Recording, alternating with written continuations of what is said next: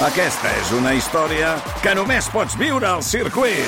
24, 25 i 26 de maig. Gran premi Monster Energy de MotoGP al circuit de Barcelona, Catalunya. Compra ja les teves entrades a circuit.cat. Viu-ho!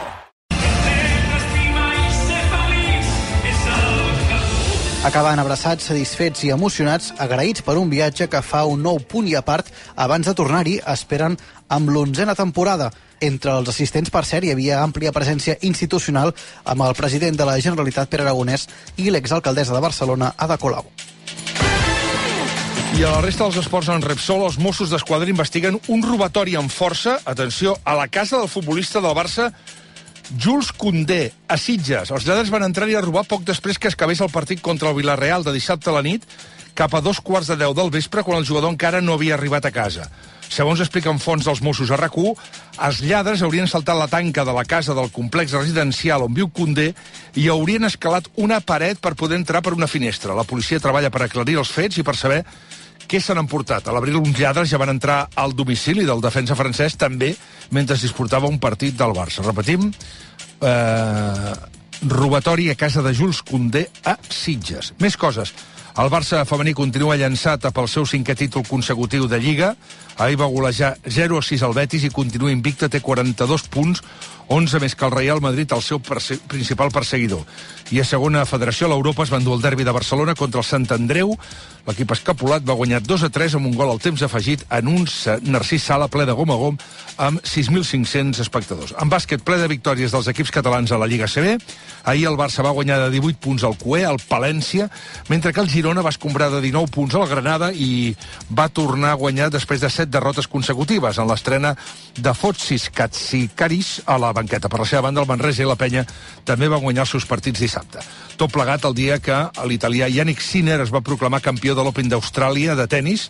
Només té 22 anys i va començar perdent per 2 sets a 0 contra el rus Medvedev, però va signar una remuntada extraordinària. Va guanyar els tres següents sets i es va acabar enduent el seu primer gran títol de Gran Slam. I aquesta matinada, per cert, ha quedat definida la Super Bowl. La jugaran d'aquí a dos diumenges els vigents campions, els Kansas City Chiefs i els San Francisco 49ers, que han eliminat els Ravens i els Lions, respectivament. De camí a l'escola dels nens, una mica d'entreteniment. Veig, veig. Si trobes en bus per anar a la feina, una mica de paciència. Ja no arribo. Si vas al súper a fer la compra, una mica de memòria. Plàtans i iogurts. I per tot això, els nous combustibles 100% renovables de Repsol. En el teu dia a dia, una cosa nova et mou amb els combustibles 100% renovables de Repsol, que ja pots fer servir per al teu cotxe. Troba'ls en més de 50 estacions de servei i al final de l'any a 600. Descobreix-los a combustiblesrenovables.repsol.com I el trànsit. La xarxa Suzuki de Catalunya patrocina aquest espai. Anem a comptar cotxes, com cada matí des del RAC i com cada matí amb l'Àlex Huguet. Bon dia. Molt bon dia. Problemes sobretot per la zona de la Roca del Vallès. Des de fa una estona que hi ha molta congestió per un accident a l'AP7 en sentit Tarragona, ara amb 7 quilòmetres des de pràcticament Llinars del Vallès i per tant també afecta molt l'enllaç des de la C60 a aquesta via. Això s'hi suma també un altre accident per la mateixa zona a la C35, la carretera paral·lela a l'AP7. A banda d'això, també s'ha complicat la circulació ara a la Ronda de Dalt per una incidència en sentit sud al tram de Pedralbes i per tant genera molta congestió en plena hora punta, més de 9 quilòmetres ara ben bé des del nus de la Trinitat. A la resta de vies hi ha les retencions habituals, els accessos eh, des de la B23 a Esplugues, la C58 a Montcada en els dos sentits i més pel Vallès a la P7 a Barberà i Santa Perpètua en sentit Tarragona. És tot des del RAC. Bon dia. Toc, toc, te n'has assabentat? Arriben els Suzuki Days. Tres dies de descomptes exclusius a la gamma Suzuki. Què? Doncs això, fins a 6.500 euros de descompte en vehicles en estoc i un bo de 500 euros de descompte addicional. Estrena Suzuki a preu imbatible. Imbatible! Suzuki Days, 21, 22 i 23 de febrer. Consulten les condicions a la xarxa de concessionaris Suzuki de Catalunya. I acabem aquests apunts aquí al Món anunciant-vos que el proper divendres 9 de febrer, no aquest, eh? No aquest divendres que ve, no. L'altre divendres, l'altre divendres, RAC1 se'n va de ruta. El 9 de febrer, RAC1 on tour. El divendres dia 9 posarem rodes a la ràdio i visitarem les quatre capitals del país per celebrar el Dia Mundial de la Ràdio. El món arracú amb Jordi Basté des del Teatre La Llotja de Lleida. Jo crec que hauríem de fer més sovint el programa des d'aquí. La competència amb els Oscars i el vostè primer amb Marc Giró des de l'aula magna de la URB, al campus Catalunya de Tarragona. És aquell dia que foteu la programació especial de RAC1, no? Que això s'ha omplert moltíssim. Versió RAC1 amb Toni Clapés, des de la carpa del Circ Històric Reluí al Port Vell de Barcelona. Moltíssimes, moltíssimes gràcies. No ho sé, amb Anna Ballonesta i tu diràs amb Aleix Pariser des del Centre Cultural La Mercè de Girona. Les 8 en punt, bona nit. Benvinguts al Tu diràs, un Tu diràs especial. Us hi esperem, l'entrada és lliure. Podeu seguir tota la jornada a la ràdio i viure-ho en directe a racu.cat i a la xarxa més. Sintonia! Va! El divendres 9 de febrer, RAC1 on tour per celebrar el Dia Mundial de la Ràdio. Tots som u. Amb el suport de la Diputació de Girona, la Diputació de Lleida, l'Ajuntament de Lleida i la Universitat Rovira i Virgili. I amb la col·laboració de Torrons Vicenç, Montse Interiors i Cellers Maset. Doncs això, per celebrar el Dia Mundial de la Ràdio, farem els programes des de fora. El món arracú, ja ho heu sentit, des del Teatre La Llotja de Lleida, amb tot l'equip del programa, i, i algunes sorpreses. La competència el vostè primer des de l'aula magna del campus Catalunya de la Rovira Virgília i Tarragona. La versió RAC1 es queda a Barcelona, però no passa en aquests estudis, ja que el programa es farà des de la carpa meravellosa d'aquest circ fantàstic, és el circ històric Reluí, al Port Vell de la ciutat, i acabarem la jornada d'aquest recontur al Centre Cultural La Mercè de Girona, on hi haurà el nou i el tu diràs. A més, també busquem el millor oient de ràdio de Catalunya. Ho farem amb el concurs del segle, que conduiran l'Edu de Valle i el Xavi Puig. Si voleu saber com participar, podeu entrar ara mateix a racu.cat i allà trobareu les bases del concurs. El 9 de febrer volem fer ràdio, volem fer país i volem celebrar el Dia Mundial de la Ràdio amb tots els oients, amb tots vosaltres, perquè, com diem sempre, la ràdio, sempre la ràdio, però sobretot el 9 de febrer, visca la ràdio. El món a RAC1 amb Jordi Basté.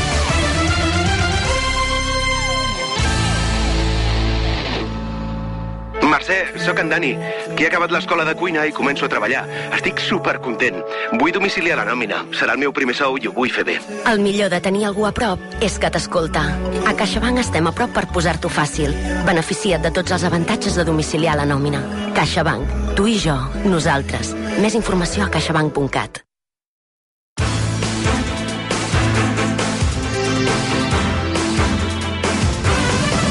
món a RAC1 amb Jordi Basté. 9 i 7.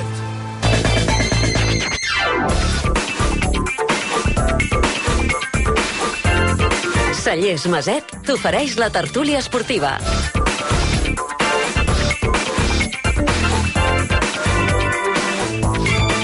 Hola, Maris Carol, bon dia. Bon dia.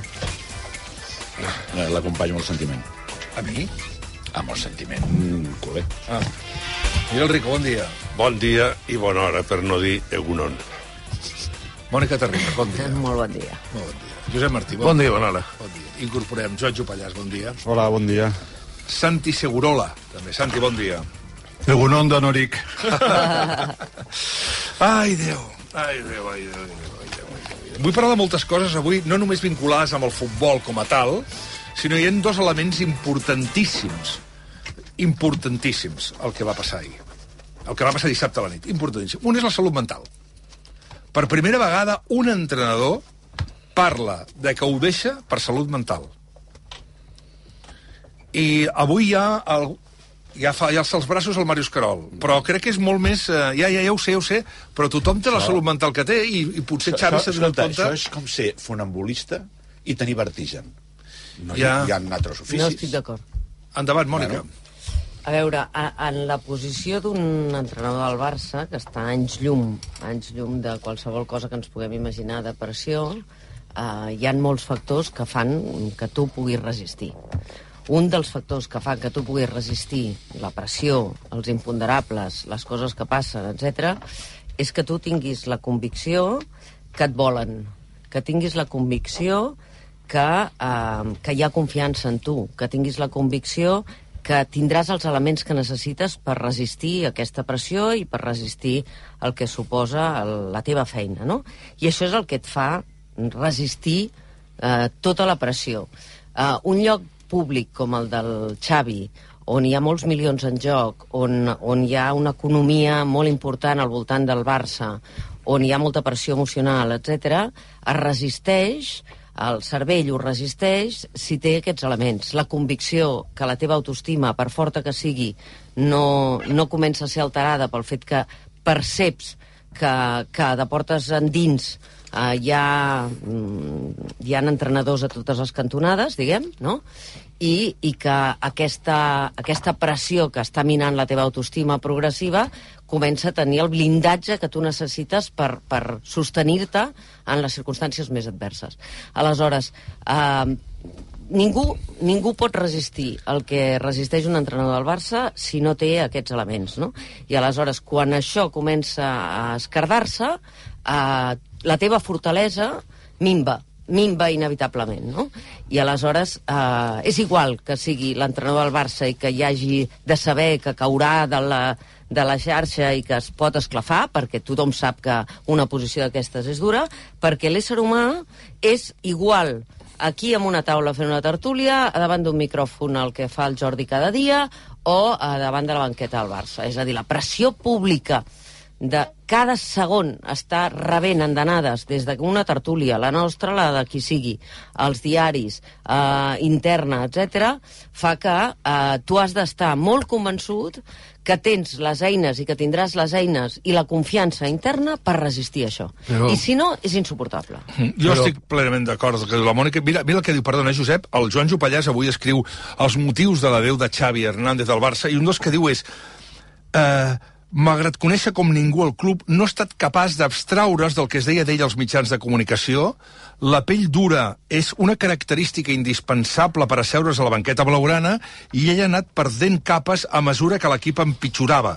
La closca no ha resistit i ha afectat el nucli familiar, representat també a través del seu germà Òscar, el segon entrenador, com també el seu pare Joaquim, que no es perd una, una tertúlia i ho fa saber. Josep Martí. Uh, si, si no tens unes determinades característiques, no pots entrar al Barça. I no pots presidir França, no pots presidir els Estats Units, no pots presidir el, Però el Real no Madrid. però fins que no ho tastes, Ah. potser no ho saps. Pues llavors pots ser entrenador d'originals. No, Val, però- no, no, no, estic jo crec jo crec que- jo tampoc. No estic Podríem- gens d'acord Un amb moment, això. un moment. Podríem, jo, per exemple... Miguel Rico. Li dono tota la transcendència del món a el que és la salut mental i entenc el nivell de pressió que es, bo, que es pot arribar a tenir en llocs de responsabilitat. Ho entenc.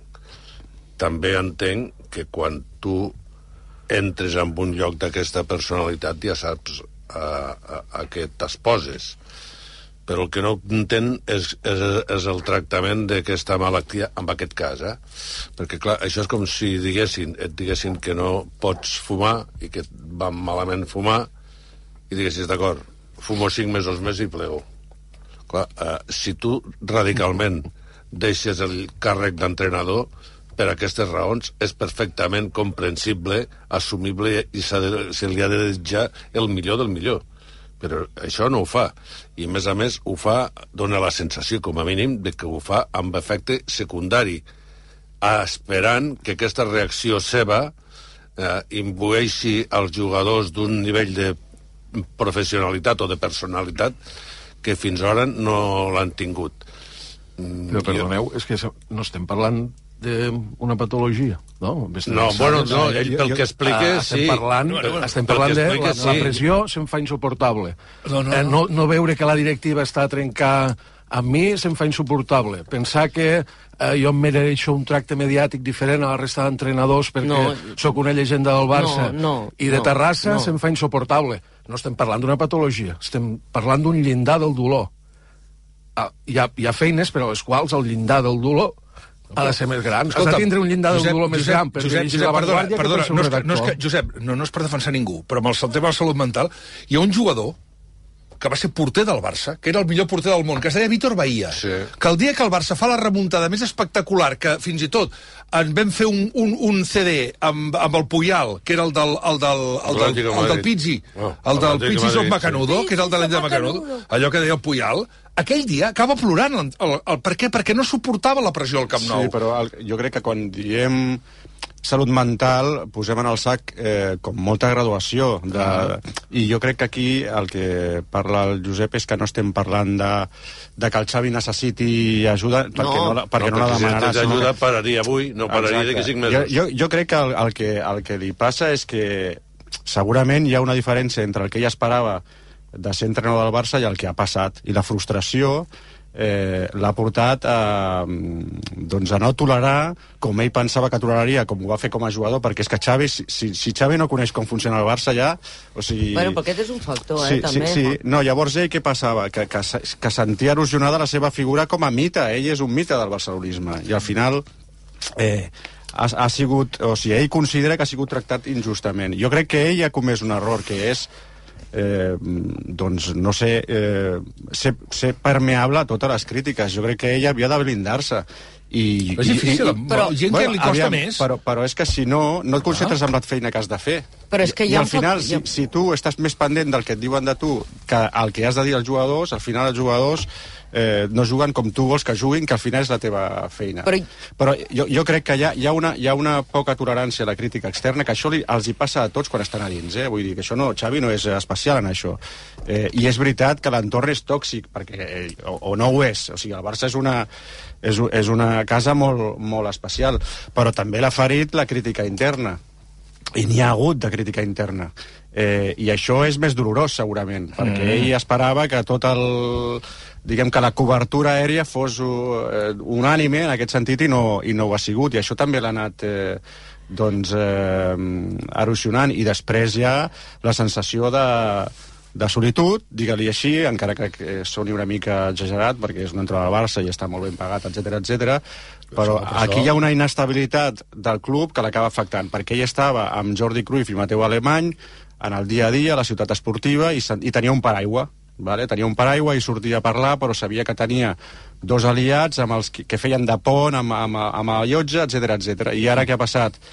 doncs que aquest, aquesta comissió esportiva, que si vols la repassem d'aquí una estona per veure els noms que hi ha, perquè és un és una, no sé, com, com, com dir-ho, heterogeni barra eh, estranyíssima, eh, la, la conforma en, en primer lloc Deco perquè, que, perquè, perquè és el nou director esportiu i Deco té bona relació amb Xavi el que passa que Deco és més equidistant diguem, té, té un peu a la ciutat esportiva però el té també a la llotja i llavors Xavi s'ha sentit com més me, més sol. No oblidem I que- llavors, quan arriben no, els mals moments, Mm. que hi han arribat i molt aquesta temporada, perquè el Barça no ha jugat bé, perquè, clar, aquí estem parlant molt de, de coses més etèries, però al final el que passa és que el Barça no ha jugat bé a futbol.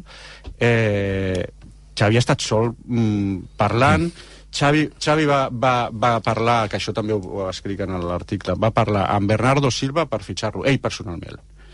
I el Bernardo Silva li va dir que sí. Amb Kimmich li va dir que sí. Amb qui més? Amb Zubimendi li va dir que sí. Llavors, quan va picar la porta del president, li va dir que no podien fitxar aquests jugadors. Però ell és un home de club i ha seguit tirant amb això. Però és que resulta que després li han portat jugadors que ell, com a home de club, que ha fregat la ingenuïtat en molts moments, ha dit, Vinga. doncs vale, doncs d'acord, Joao Fèlix, Víctor Roque... O sigui, no hem tingut calés per segons qui, Home de però hem tingut no vol segons... dir ser home del president, eh? Sí. Així, No, no, no, no, ni totes de maneres, aquest, perdona ni d'aquest moment. ni de cap, eh? Un moment, un moment que som molts avui, eh? Som molts i vull escoltar-vos a tots. Luis Enrique va estar 3 anys. Guardiola en va estar 4. Això és, una, això és no una trituradora, no. Vull dir, això, això al Barça és una cosa que, que no, té, no té cap explicació. Marxa Klopp, i Klopp ha guanyat una Champions Ha estat i, i una. Lliga, i està 9 anys, eh? En canvi aquí, i, i Guardiola en porta, no sé quants en porta el Manchester City, Vuit. en canvi aquest, és una, tot això és una trituradora. Ara, hi ha un element que jo crec que és, que és important per veure-ho, que és un tema de desgast, perquè ell es pensava una cosa que acaba sent una altra. No aviam com ho veu el. Segurola. Bueno, en cuanto a la salud mental, pues un día antes de, de la despedida de, de Xavi, la anticipada despedida de Xavi, eh, Jürgen Klopp eh, dijo que no aguantaba más y está en unas condiciones diametralmente opuestas a, la- a las de Xavi. Eh, el, el, terror en Liverpool es que se marche Klopp y qué pasará después. Y qué pasará después porque allí es un indiscutible. Eh, y eso que ha coincidido en una época donde ha habido otro equipo y otro entrenador que han ganado más títulos que él, pero ha rehecho el Liverpool y aquel alemán que llegó hace nueve años, eh, ahora mismo eh, es líder de la liga, está clasificado para, bueno, no hay que decir más, es un super mito. Y en cambio, yo creo, y ahí estoy bastante o mucho con, con Un problema que yo creo que tenía Xavi es que él es un mito del Barça, un mito real, como jugador lo fue. También le costó durante años y también sufrió dificultades y también estuvo a punto de marcharse, pero acabó convertido en una leyenda, una leyenda que ha sido prueba ahora y ha sido, ha sido puesta a prueba en unas circunstancias radicalmente contrarias. En un club débil, sin los jugadores con los que él jugó, eh, con unas expectativas grandes, pero con unos medios más bien pequeños para lo que es el Barça, y además con un punto que yo creo que es bastante, mm, como diría yo, desagradable en el fútbol, y es que el fútbol tiene ese lado sádico, yo diría, ese placer sádico eh, que, le, que le proporciona eh, la posibilidad, yo creo que casi le empuja a destruir a sus propios mitos, a, devorarlos. Y en esto el Barça es eh, un especialista, sin duda uno de, los, uno de los clubes que mejor devora sus mitos. Y en estas, y yo creo que hay, hay un Xavi perplejo, estupefacto, por lo rápido que ha percibido lo, lo débil que es esa coraza mítica, porque se ha destruido en un año y medio. Y eso hace mucho daño, porque uno pasa de ser invulnerable a ser tan vulnerable que acaba dirigiéndose a una cámara de televisión absolutamente enloquecido, eh, gritando vergüenza, vergüenza. Yo en ese momento comprendí que él no estaba bien, que no estaba en condiciones probablemente de mantener esa llama en el, en el Barça, porque yo no he visto eso nunca en un campo de fútbol. Y si lo vi es porque era un hombre sufriente, torturado, martirizado. Cada conferencia de prensa ha sido un martirio y cada partido últimamente también lo ha sido.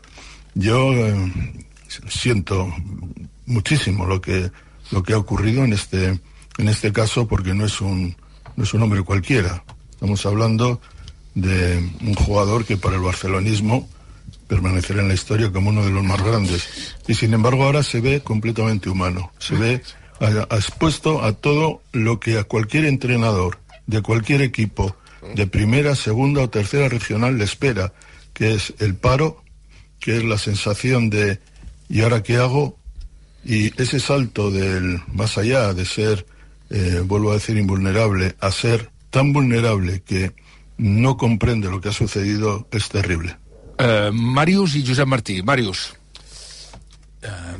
No sé, jo fa molts anys que vaig al camp del Barça i, i per exemple, a, a Xavi, mm, no, o sigui, i, i aquestes, aquestes dues temporades últimes he anat també, mm, malgrat eh, aquesta darrera ha estat a, al bonic estadi Montjuïc. Eh, ningú ha xiulat a Xavi. És a dir, aquells als que tu t'adreces no t'han fet una pitada, no t'han fet una, moca, una mocadorada. Mai, al, al contrari. Mm, encara, encara fa una setmana el, el, el camp corejava el nom de Xavi. Vull dir que ostres, no sé, potser sí que té la pell molt fina, però si el problema al final és que hi ha moltes tertúlies o que mm, les xarxes socials no sé què, és benvingut al món real, però és que això t'inhabilita per molts oficis. T'inhabilita per molts oficis. Uh, què és el que crec?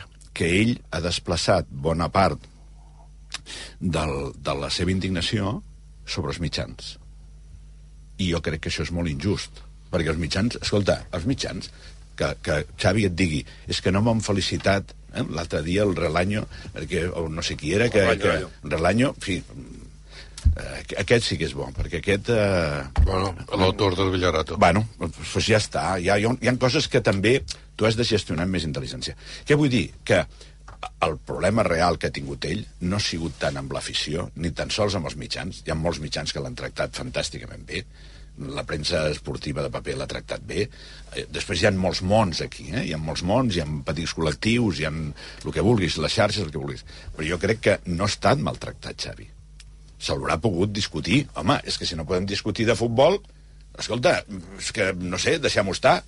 Pues no hi anem, no hi anem, deixem-ho, oblidem-nos. Però jo crec, jo crec que el problema del Xavi ha sigut amb la directiva. El problema de Xavi ha sigut amb el president. El problema de Xavi ha sigut que mai el president ha considerat que era el seu entrenador. Aquest és el primer problema. I, i després, jo crec que aquest any, quan realment, després d'haver guanyat eh, dos títols i un important com la Lliga, li tenia, en fi, si, si li quedava alguna palanca, li hagués pogut fitxar el jugador que necessitava, que era, que era un jugador que substituís a Sergi Busquets, i han fitxat a qui els hi ha semblat. Per què? Pues perquè això del Barça és una cosa molt rara. Eh? Sí, és una cosa molt rara. O sigui, estem arruïnats i hem fitxat a un pobre home, a un pobre home, que aquest sí que l'haurem de, de, de... que Aquest sí que necessitarà un psicòleg aviat. Qui? El Vitor Roque, vols dir? Per Déu. Sí, sí quan tu, quan tu, un noi de 18 anys, que ha jugat 20 partits a l'Atlético Panaerense, el portes de l'altra punta del món, el portes del, del tercer món al primer món, el poses aquí dient, i a més sabent tothom que ha costat la torta a un pan, que ha costat 61 milions encara que el, que el Joan ho considera que, que ha costat No, més. a, a Brasil, a Brasil. A Brasil diuen que ha Diuen costat una mica més. 74, Bueno, sí. pues, pues 74. Va, Bueno, va, al, al final, eh, vull dir, perquè hi ha una part que són de variables, també. Va, Però sí, sí, sí, bueno, variables, Variables d'aquests que són... Sí, sí, sí. Val? Quan, quan tu portes un nano d'aquest, d'aquestes característiques, i el Barça fa un vídeo en què apareix, com que li diuen Tigrinho, algú li devia dir Tigrinho un dia, perquè té, No, té no les- gaire gent, eh, per cert. Bueno, què vols que li No, diguin no, no, Tigrinho? vull dir que això va ser una cosa a la que es va agafar el, Barça perquè li va fer gràcia, però, però a, a Brasil eh, principalment ningú coneixia per Tigrinho. Bueno, Tigrinho. No, dir, no, no, ho dic però vam fer, un, vam fer un vídeo, No, no, vam, vam, fer un vídeo que anava ell amb un tigre, amb un tigre de Bengala, i em diràs que té que veure, pa- passejant-se passejant per Montjuïc. Eh? Sí, això ho has vist. I has venut entrades dient que aquest tio, aquest tio pff, oh, serà la, revo la revolució. I l'hem vist i fa patir. Uh... Llavors, com s'explica això? Algú demana, algú demanarà explicacions? Ningú, no passarà res perquè forma part d'aquesta festa en la que estem, en la que estem en aquests moments posats. Moment. Eh? I això del futbol, hi haurà un moment que tindrem un problema seriós perquè la gent es donarà compte que alguns està prenent el pèl.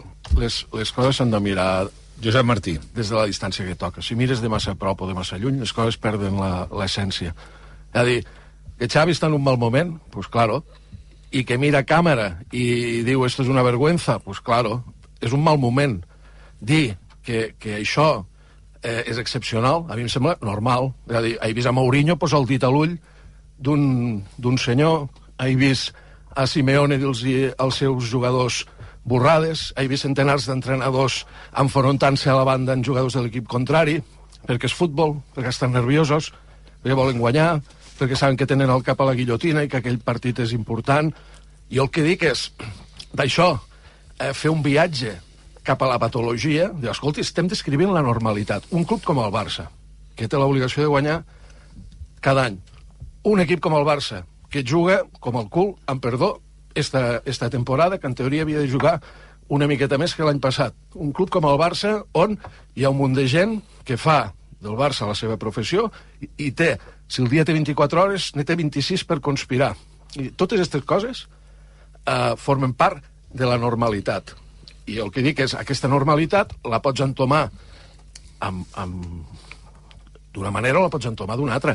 Però el que em sembla que no té molta raó de ser és que enfoquem l'anàlisi del que està passant a la banqueta del Barça des del punt de vista de la patologia i que, per tant, ja haguem de treballar tots eh, sota el paraigües de, cuidado el que diem, perquè estem parlant de salut mental. No estem parlant No. de salut mental, estem Sí, parlant sí, d'un mal sí. moment. No, no, no, estem parlant... Perdona, Josep, eh? I jo, jo no...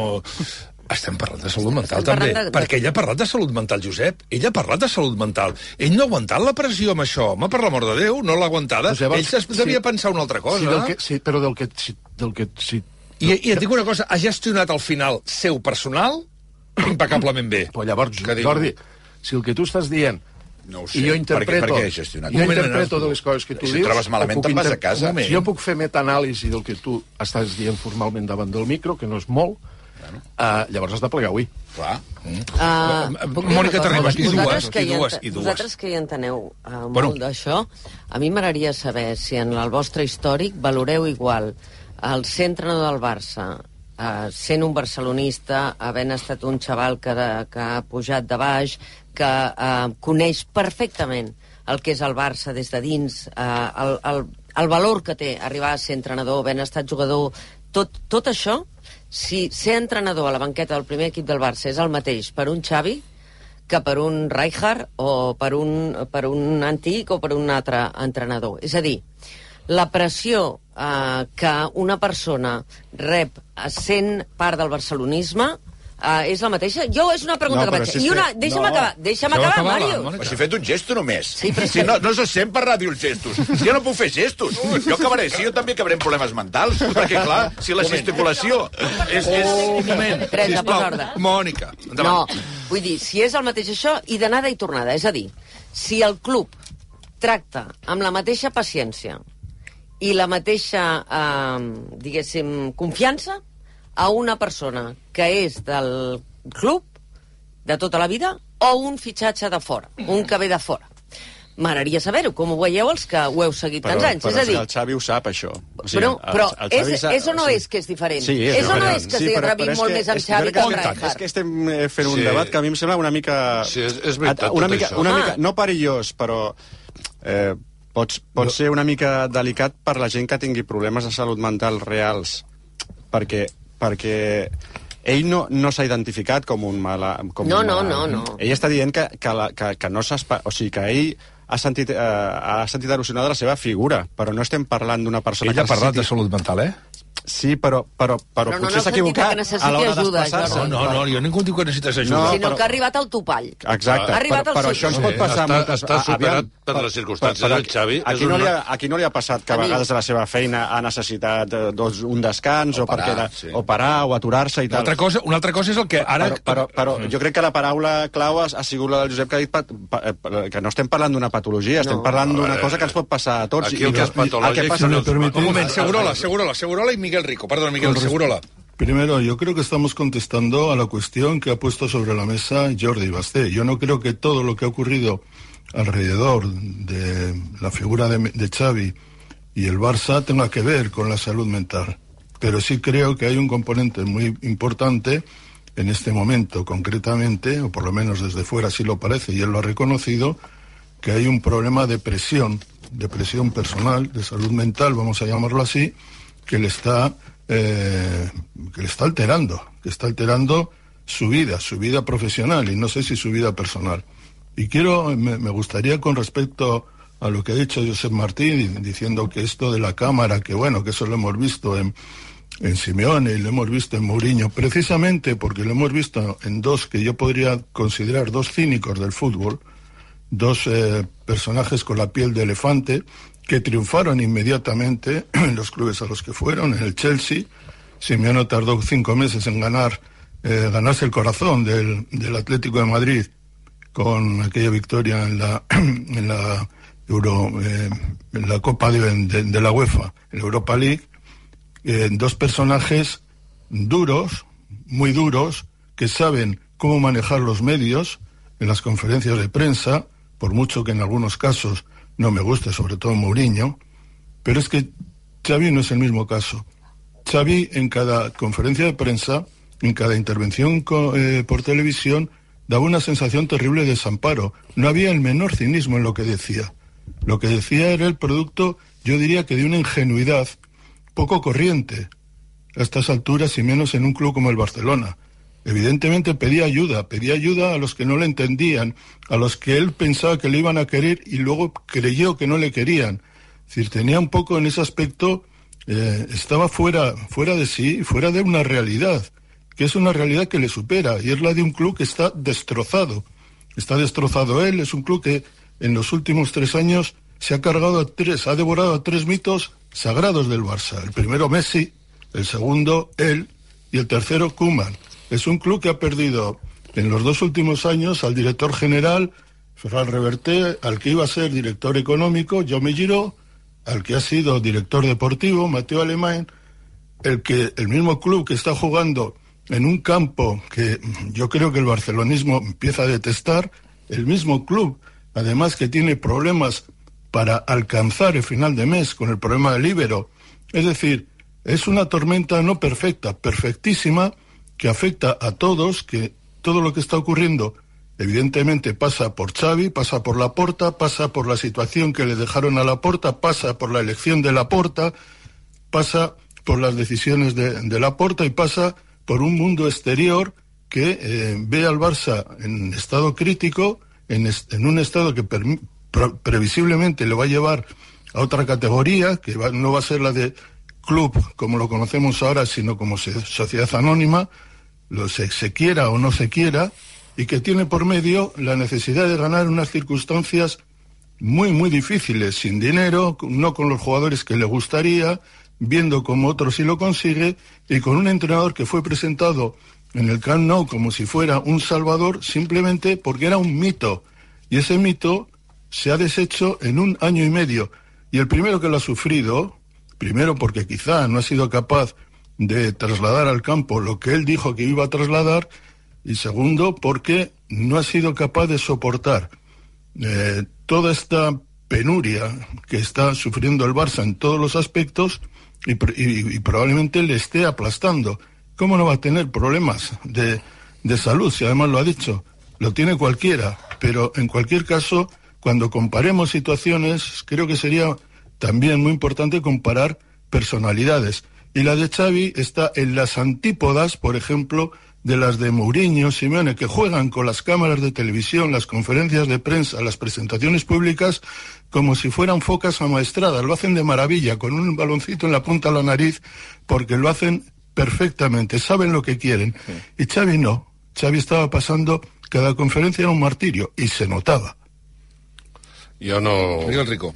No tinc prou capacitat per entrar amb el debat de la salut mental, no dic que no afecti, però sí sé que eh, Xavi, des de la seva època de jugador, la seva il·lusió màxima era ser entrenador del Barça, el qual vol dir que, com deia la meva sogra, has de vigilar el que li demanes a Déu perquè a vegades t'ho pot donar.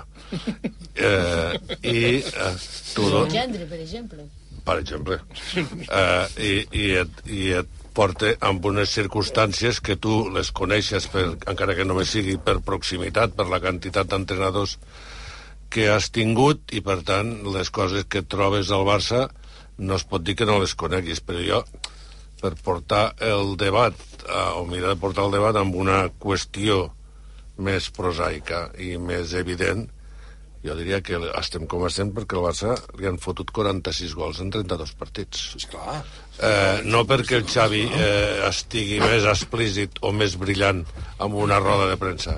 Jo crec que estem com estem eh, perquè el Villarreal li ha fet 5 gols a casa al Barça a la Lliga, cosa que no succeïa Des de l'any l'any 63, des de l'any dona. 63, però ha vingut l'Atlético de Madrid i n'han fotut 4, i ha vingut el No, no. Madrid i n'ha fotut 4 És més. que en els tres últims dies el porter ha anat a buscar, el porter del Bar- del Barça, el nostre, Iñaki Peña, ha anat a buscar nou vegades la pilota de, de dins de la xarxa. Nou vegades, amb, Ah. amb, amb 72 hores. Això és, eh, Jo- jo- Els jo- 72 hores, no, no en perdó. 72 dies, 72 hores. Els, els números no poden defensar ni el... Per favor. Ni el, I, ni... I amb el gol més ridícul de la història de la humanitat.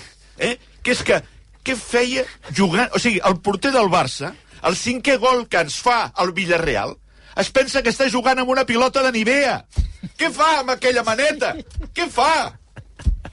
Escolta, no ho sé, no ho sé. Tot, tothom ho troba collonut. Escolta, eh, escolta, són, en definitiva, són 11 milionaris que, que, que, que hauria, se'ls hauria d'exigir més. Això ja, ara sense... sense... Hola, Teresa Conillera, bon dia. Eh, Eh? jo he estat aquí escoltant-vos amb molta atenció perquè del món del futbol no n'entenc. M'agrada el futbol. I m'agrada... Mm, bueno, pues segurament me guanyaria més que alguns, però no, i no ho dic pel Xavi, eh? No, però no. sí que estic una mica incòmoda amb aquest debat sobre salut mental.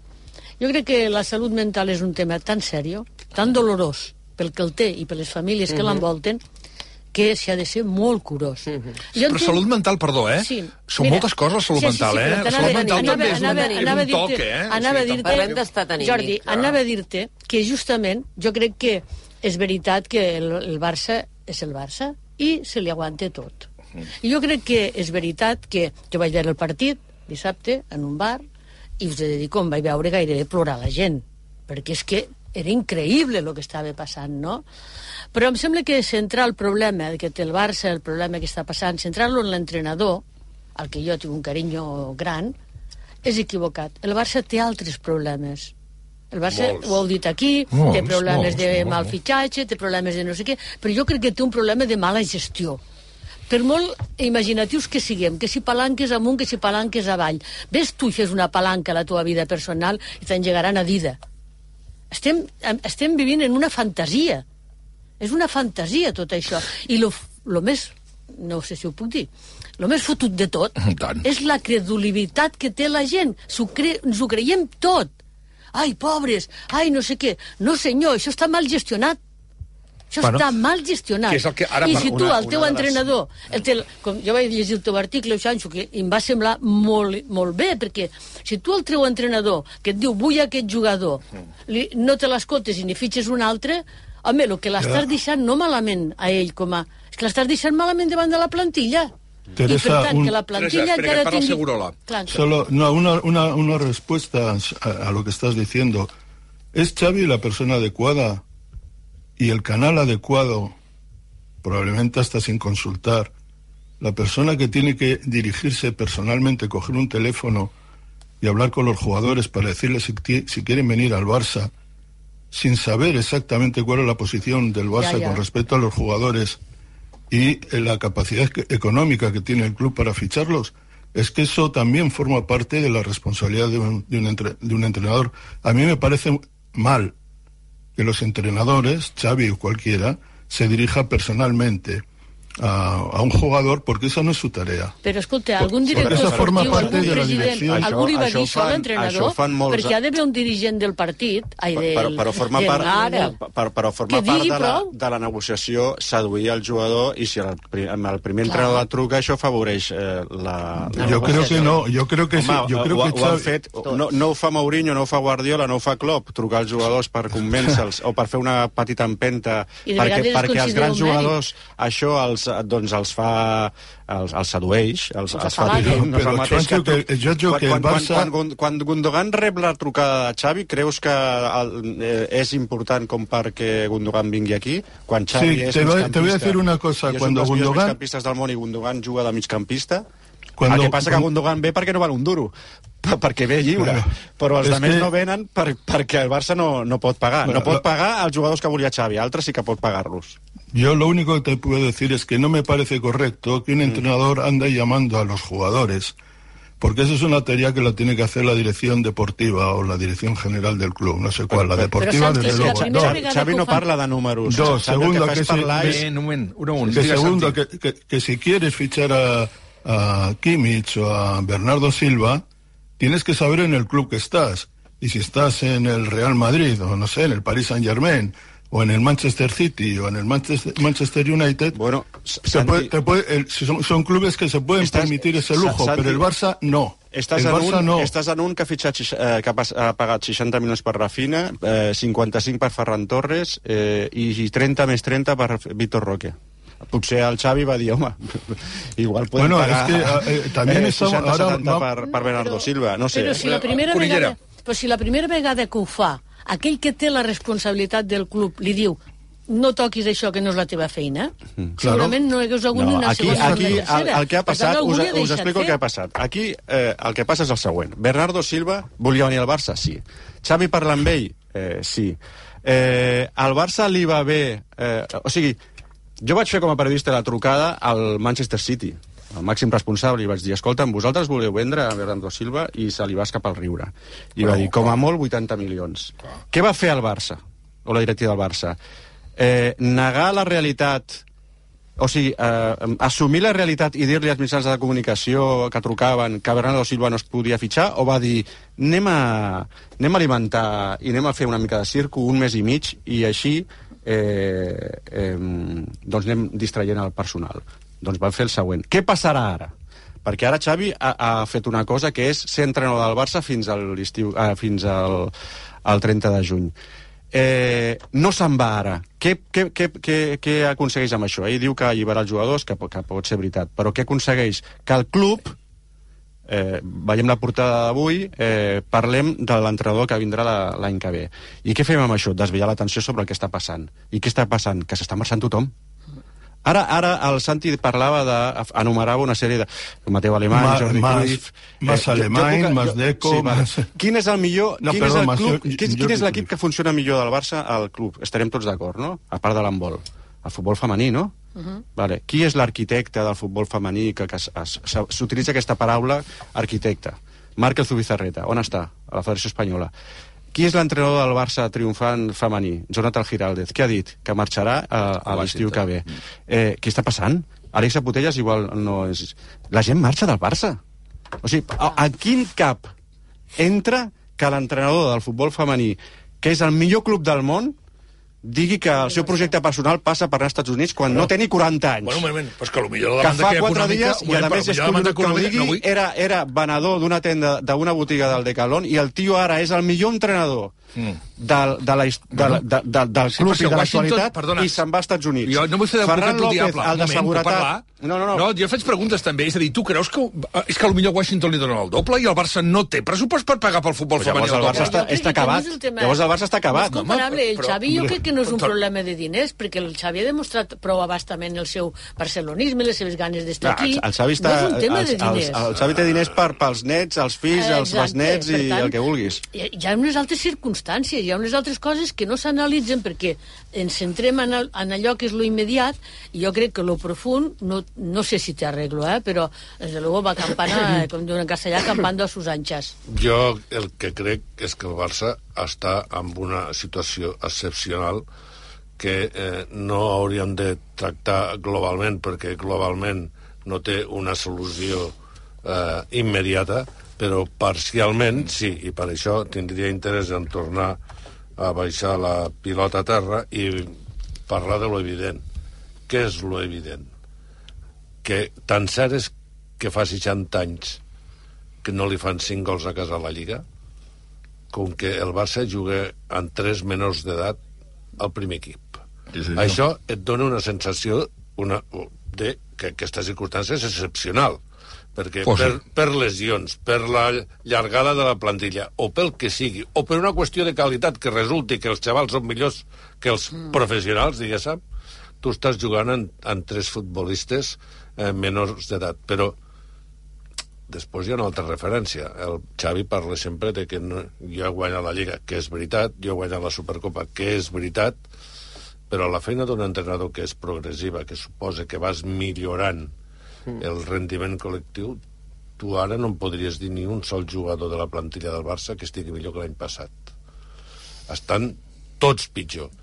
I això és responsabilitat de jugadors, efectivament, però també de l'entrenador. Perquè Però podria ha ser casualment... Ha pogut Mònica, fer l'equip que volia, ha pogut fitxar a qui volia, ha pogut fer l'equip que volia, tres.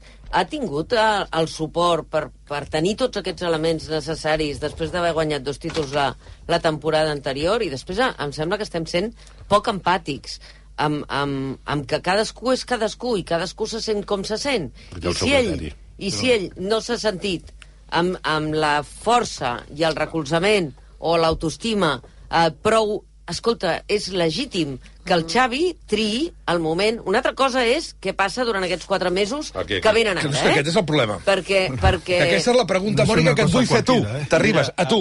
Mònica, tu vas plegar? Sí. Tu vas plegar poc, eh, una setmana... Quan Dos dies abans? abans. Dos dies abans de que s'acabés la temporada. Uh -huh. Dos dies abans la Mònica t'arribes dius fins aquí m'ha arribat. I... Però Xavi ho fa eh, 4 o 5 mesos abans d'acabar la temporada. Clar, aquest, aquest és un altre problema. Quan és el bon moment per dir una cosa d'aquestes? Perquè ara tu ara tu li fots no només la pressió als futbolistes, que sí, però a la Junta, perquè tu ara imagina que dimecres, que és un partit importantíssim, perds contra Osasuna. Per exemple, desitgem que no. No, no, o empates. Contra... Però o no, empates, o empates. No és... Què fas? No és... No, no, vaja, anys llum, un, un, ja, ja, ja. un trist programa de ràdio no, amb, no, no, amb, no, no. amb una maquinària on el Barça. Punt mm. número 1. Mm. Punt número 2 jo que tot aquell any... Eh, estava, donant volta, eh? estava patint, vale? per tant empatitzo molt amb el que li ha passat a Xavi, perquè per, mil raons que ara no fan el cas, um, en el meu cervell, el mes de febrer, jo ja havia pres una decisió i l'havia compartit amb alguna persona de l'equip. Um, però, evidentment, si tu comparteixes... Llavors va venir la Covid i vaig decidir que continuava, perquè em semblava per responsabilitat que havia de continuar en plena Covid, i aleshores al final de la temporada uh, es va produir una circumstància que m'ho va fer insostenible, no? Però si tu comparteixes aquesta decisió i et falta temps de rendiment d'un equip de 20 persones, o les que siguin, el cas de Xavi, mm, tot un, tot un club, eh, perquè tot depèn del primer equip del Barça masculí, no? Um, què passa? Doncs que tothom comença a pensar, cadascuna de les persones que depenen de l'engranatge, en clau no col·lectiva, sinó personal. Què passarà amb mi? Jo com quedaré? Eh, què passarà a partir d'aquí? I l'equip se't comença a escardar perquè tothom comença a pensar com l'afectarà la teva decisió, perquè tu estàs a la, a la, diguéssim, a la piràmide i aleshores comença a baixar baix. I això pot fer que el, que el rendiment dels últims mesos s'esquerdi una mica. Uh, per, per això ahir el president li demanava a tothom que, bueno, a tothom s'hi impliqui, que, de, que es pot guanyar la Champions, etc. Però és inevitable que quan tu prens una decisió d'aquestes, l'anuncies quatre mesos abans, durant aquests quatre mesos tothom comenci a mirar-se un mateix i no el col·lectiu. I això és una mica perillós. Molt Després, perillós. fins i tot, Molt fins perillós. i tot, això que és uh, un alliberament personal, Sí. mm, que en el cas del Xavi, ell, ell ho ha verbalitzat així, uh, comporta també una altra cosa, que és un punt de dol. És a dir, tu, el dia que dius, bueno, ja, ja està, ja en tinc prou, tu uh, t'alliberes. Però el dia següent eh, segurament hi ha menys trucades al teu telèfon eh, i segurament no et demanen que, que, que es faci, el nen no et demana que fer-se un, un selfie amb tu. Vol dir, vol dir que jo crec que aquest temps que s'ha donat Xavi, jo crec que és, és un temps buit. És un temps, Sí, sí, és un sí. temps com, com, els, com els rellotges del, del, del, del Dalí, Perdona saps? un moment, són- és que jo crec- tous. Que hem d'anar acabant, que hem d'anar Tous. acabant. Una cosa Hem d'anar acabant. Jo Jo ho interpreto no sé. Però el- No sé si el Barça està... camembert, Un moment. a les coses de persones la gràcia està en que pots fer un llibre d'autoajuda defensant una tesi i, i després pots publicar-ne un altre defensant la contrària. Crec que és el Juanjo Pallàs que parla de Radomir Antic bueno, eh, eh, i la decisió... No, no en parlo jo, sinó que, que Xavi ha fet referència eh, aquests dies. No, de dir, pues, anunciar tant temps, la gent s'alliberarà i alliberada els músculs funcionaran d'una altra manera i seran capaços de donar... No ho sabem el que passarà. No ho sabem el que passarà. El que sí sabem és, eh, en referència a totes les preguntes que feia la Mònica, a Xavi li han donat això? No. A Xavi tal? No. A Xavi tot això? No. Però jo el que sé com a aficionat és que estem al mes de gener encara, la Copa l'hem tirat, la Lliga l'hem tirat, estem tots posant les pelmetes queda a la Mare de Déu de la de Candelera per a, que el, mesos. per a que el Nàpols no ens faci un nus. No perquè així guanyarem, tenim alguna possibilitat de guanyar la Champions, sinó perquè així podrem fotre-nos a la butxaca 14 milions d'euros eh, que necessitem, perquè les, les espelmetes a la verge es posen per a passar al Nàpols, no per a guanyar la Champions, sinó per a ingressar 14 milions perquè ja ningú creu que després del Nàpols, quan te toqui un equip de veritat, tingués possibilitat. Això ha passat al gener. I quan passa això, eh, doncs el futbol està fet de tal forma que mires amunt i dius, és veritat, el senyor Laporta va guanyar les eleccions amb una pancarta, no va presentar cap projecte, i el projecte, tal i com s'ha d'estar desenvolupant, és una anarcofamília eh, que no, no, li, no, no, no acabes de trobar-li sentit a les coses. Però això no ho podem arreglar. I després se mira la banqueta. I igual que quan hi ha problemes en un ministeri, hi ha un invent, que és que hi ha Bueno, secretaris d'Estat de i directors generals per a poder fer canvis sense que hagi de marxar el ministre. I el ministre fa que no hagi de marxar el president del govern. Uh, però si vols un revulsiu, al futbol, els revulsius d'urgència estan a la banqueta. I a mi em sap greu, perquè he perdut moltes hores de la meva vida uh, enamorat de Xavi quan estava al futbol. Però pel que siga, això no el temps, eh? això no ha funcionat. Aviam, Enrico, per acabar. I, Sí. i hi ha alguna de fer, eh? Sí. Eh, portem una llarga estona eh, justificant que qualsevol persona en responsabilitat sigui susceptible de patir una malaltia eh, mental més o menys greu No, no, que un li estat d'ànim, un una, un, bé, un estat d'ànim que li sigui eh, eh, impossible de suportar per aquesta raó aquí a la taula n'hi ha eh, uns quants que heu tingut moltíssima responsabilitat mm, estaria justificat que eh, haguéssiu plegat abans d'acabar tots les vostres competències perquè el, el pes de la pressió és molt dur. Eh, sí, per això mm, la vida és així. La vida pagues un peatge Però a la diari. vida- Però el que vull dir, diferent, que em sembla diferent d'aquesta situació, és que la gent quan plegue, plegue. No, Jo- no plegue d'una manera aplaçada. Jo pregunto, el Barça, en tot el seu sistema econòmic i esportiu, està consolidat per permetre's cinc mesos de gratia et amore amb una persona que saps que no continuarà al Barça i que, després de tot el que ha dit i tot el que hem parlat, és legítim que miri per ell més que per l'equip. I jo, Jo- jo- jo crec que diguem estem- clàssic, Jo- soc, fem-ho un, breu, sisplau. un dels Breu, que creu que és primer és el Barça. Són molts. Deixa'm, Este- deixa'm dir este- un moment, estem- un moment este- una cosa, sí, sí, perdona. Cunillera. És dir, que jo el que interpreto de lo del Xavi, el que vaig interpretar quan ho vaig sentir i he pensat una mica i tal, és que justament, segurament, el que el cos li demanava era anar-se'n cap a casa i dir que us quedeu. Jo crec que això és el que li demanava.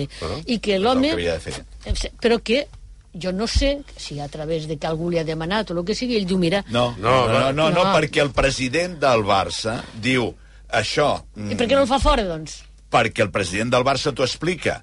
Jo l'hauria... O sigui, no ho ve dir així, amb aquesta claretat, però es desprèn.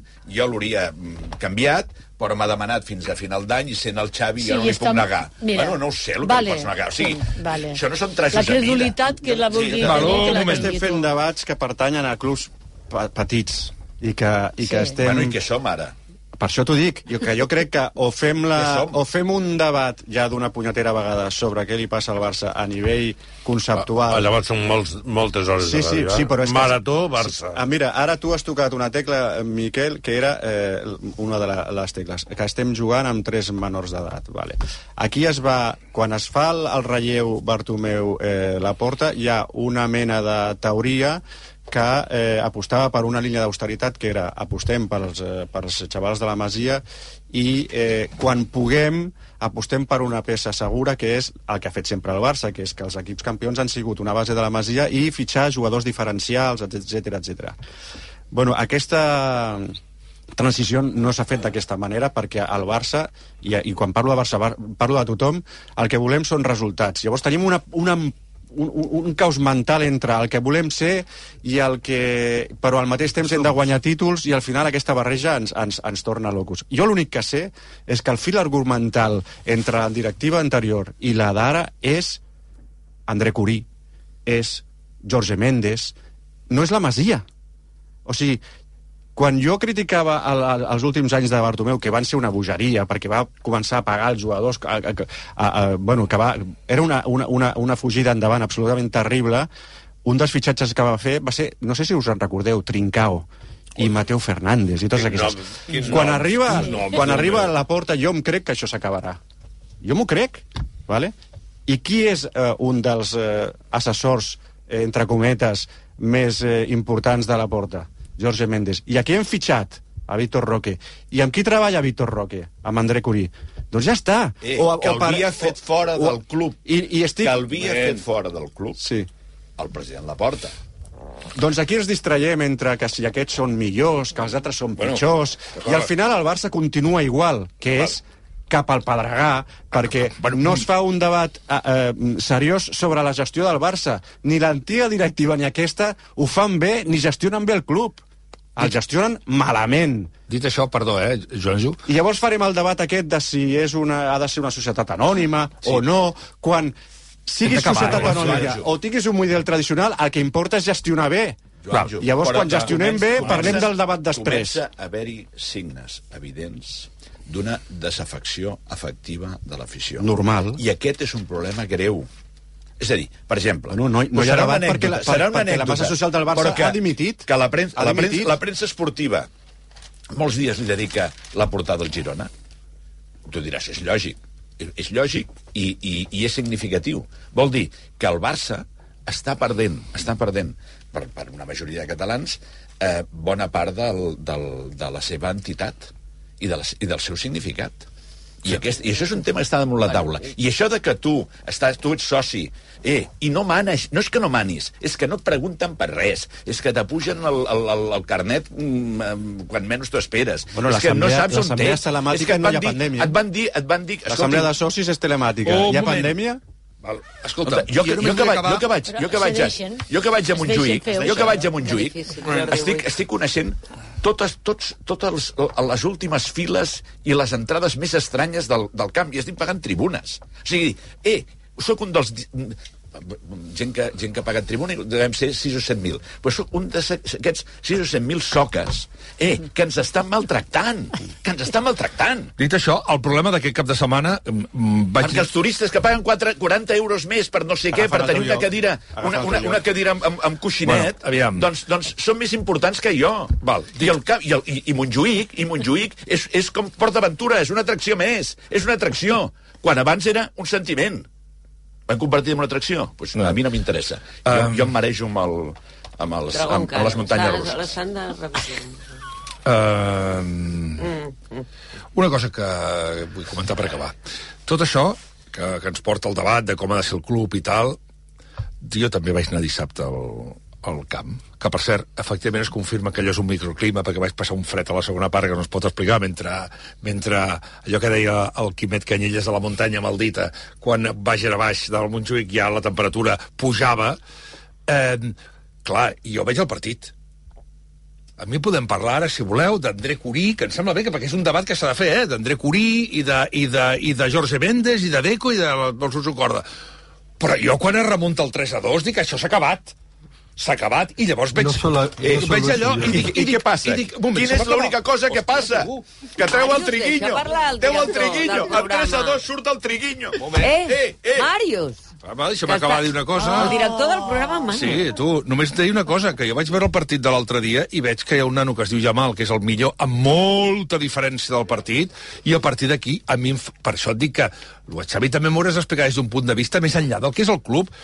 Ter Stegen, Araujo, Pedri, Joao Cancelo, De Jong, Gundogan, Lewandowski, Joao Fèlix, amb tots els meus respectes, hi haurà André Curí, hi haurà algú que es fotrà que no ho sé. Ara, amb aquest equip, tu no pots estar fotent perdent 3 a 5 contra el Villarreal, que és, no és el té res a veure amb el Villarreal que va arribar a les semifinals de la Champions, eh? No té res a veure amb allò. Jordi, Jordi, solo, solo una, una cuestión. Mira la, la peculiaridad del fútbol. Xavi estuvo a punto de salir, no como un héroe del partido, pero con una posición eh, cara al exterior muy reforzada. Es decir, nada gusta más a una hinchada que una remontada épica. Eso es así. Se llame el Madrid, el Barça, el Athletic o el que sea, o el Escalerillas. Es decir, una victoria sin, sin más vale mucho menos que una remontada como la que produjo el Barça. Que por cierto, eh, todos dábamos por supuesto que ese 3-2 estaba allí para quedarse. Luego pasó en lo que pasó, pero eh, ese filo que separa la remontada, la épica, las crónicas entusiasmadas, el público que salió hasta disfrutando de Montjuic, que ya es mucho disfrutar, toda esa historia cambió en menos de, ¿cuánto? Cinco minutos, seis minutos.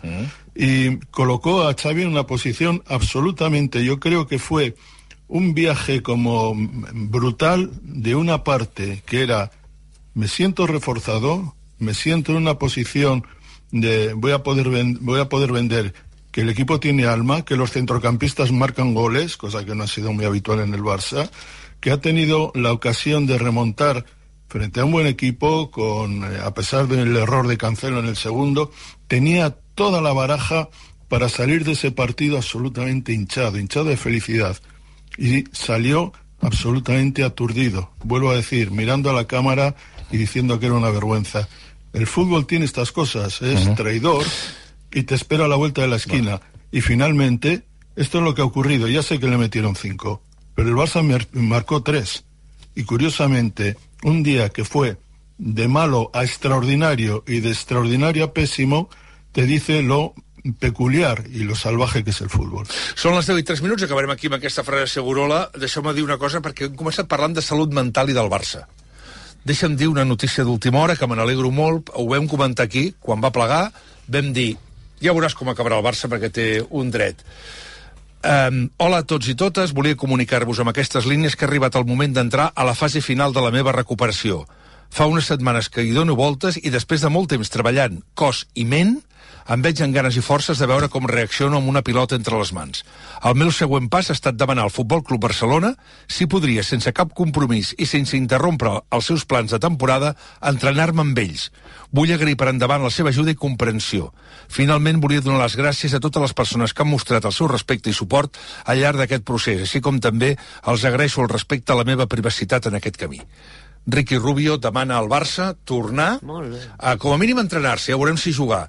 Ricky Rubio, que ha sigut de les persones més valentes que un ha tingut sí, ocasió de veure que des de l'elit va dir no puc més, no ho puc aguantar, estic fet una merda uh, mentalment. Uh, I com era previsible, demana al Barça, i espero que el Barça no només el deixi entrenar, que si cal el deixi tornar a jugar, que bé, segur que Roger Grimau li farà un favor. Tenen molt bona relació, a més. Efectivament, efectivament. Doncs torna Ricky Rubio probablement a Gran jugador i gran persona. Sí, senyor, ja ho podem així certificar. Són les 10 i 4 minuts. Gràcies, Segurola, gràcies, Pallàs, gràcies, Rico, Rico, Rico, i d'aquí a uns moments continua la tertúlia que parlem de la llei d'amnistia i també ens preguntarem si la bogeria de Donald Trump té alguna raó de ser quan diu i anuncia que estaríem a portes d'una tercera guerra mundial. Ara en parlem aquí al Món Arracó.